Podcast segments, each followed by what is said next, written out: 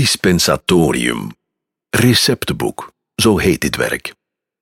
De auteur is een Antwerpse apotheker, Pieter Koudenberg.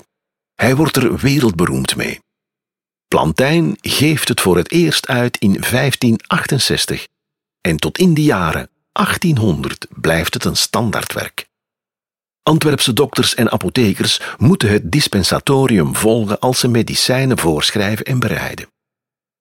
De auteur is een Antwerpse apotheker, Pieter Koudenberg, zeiden we, maar auteur is in dit geval een wat vreemd woord. Eigenlijk heeft Koudenberg een ouder werk over geneesmiddelen bewerkt. Hij haalde er meer dan 400 fouten uit en daarom staat het dispensatorium op zijn naam. Koudenberg legt ook de allereerste privé-plantentuin aan in Europa.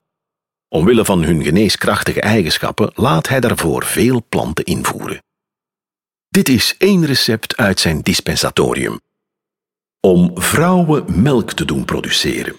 Neem groene venkelbladeren en maak er een afkooksel van in wijn of water.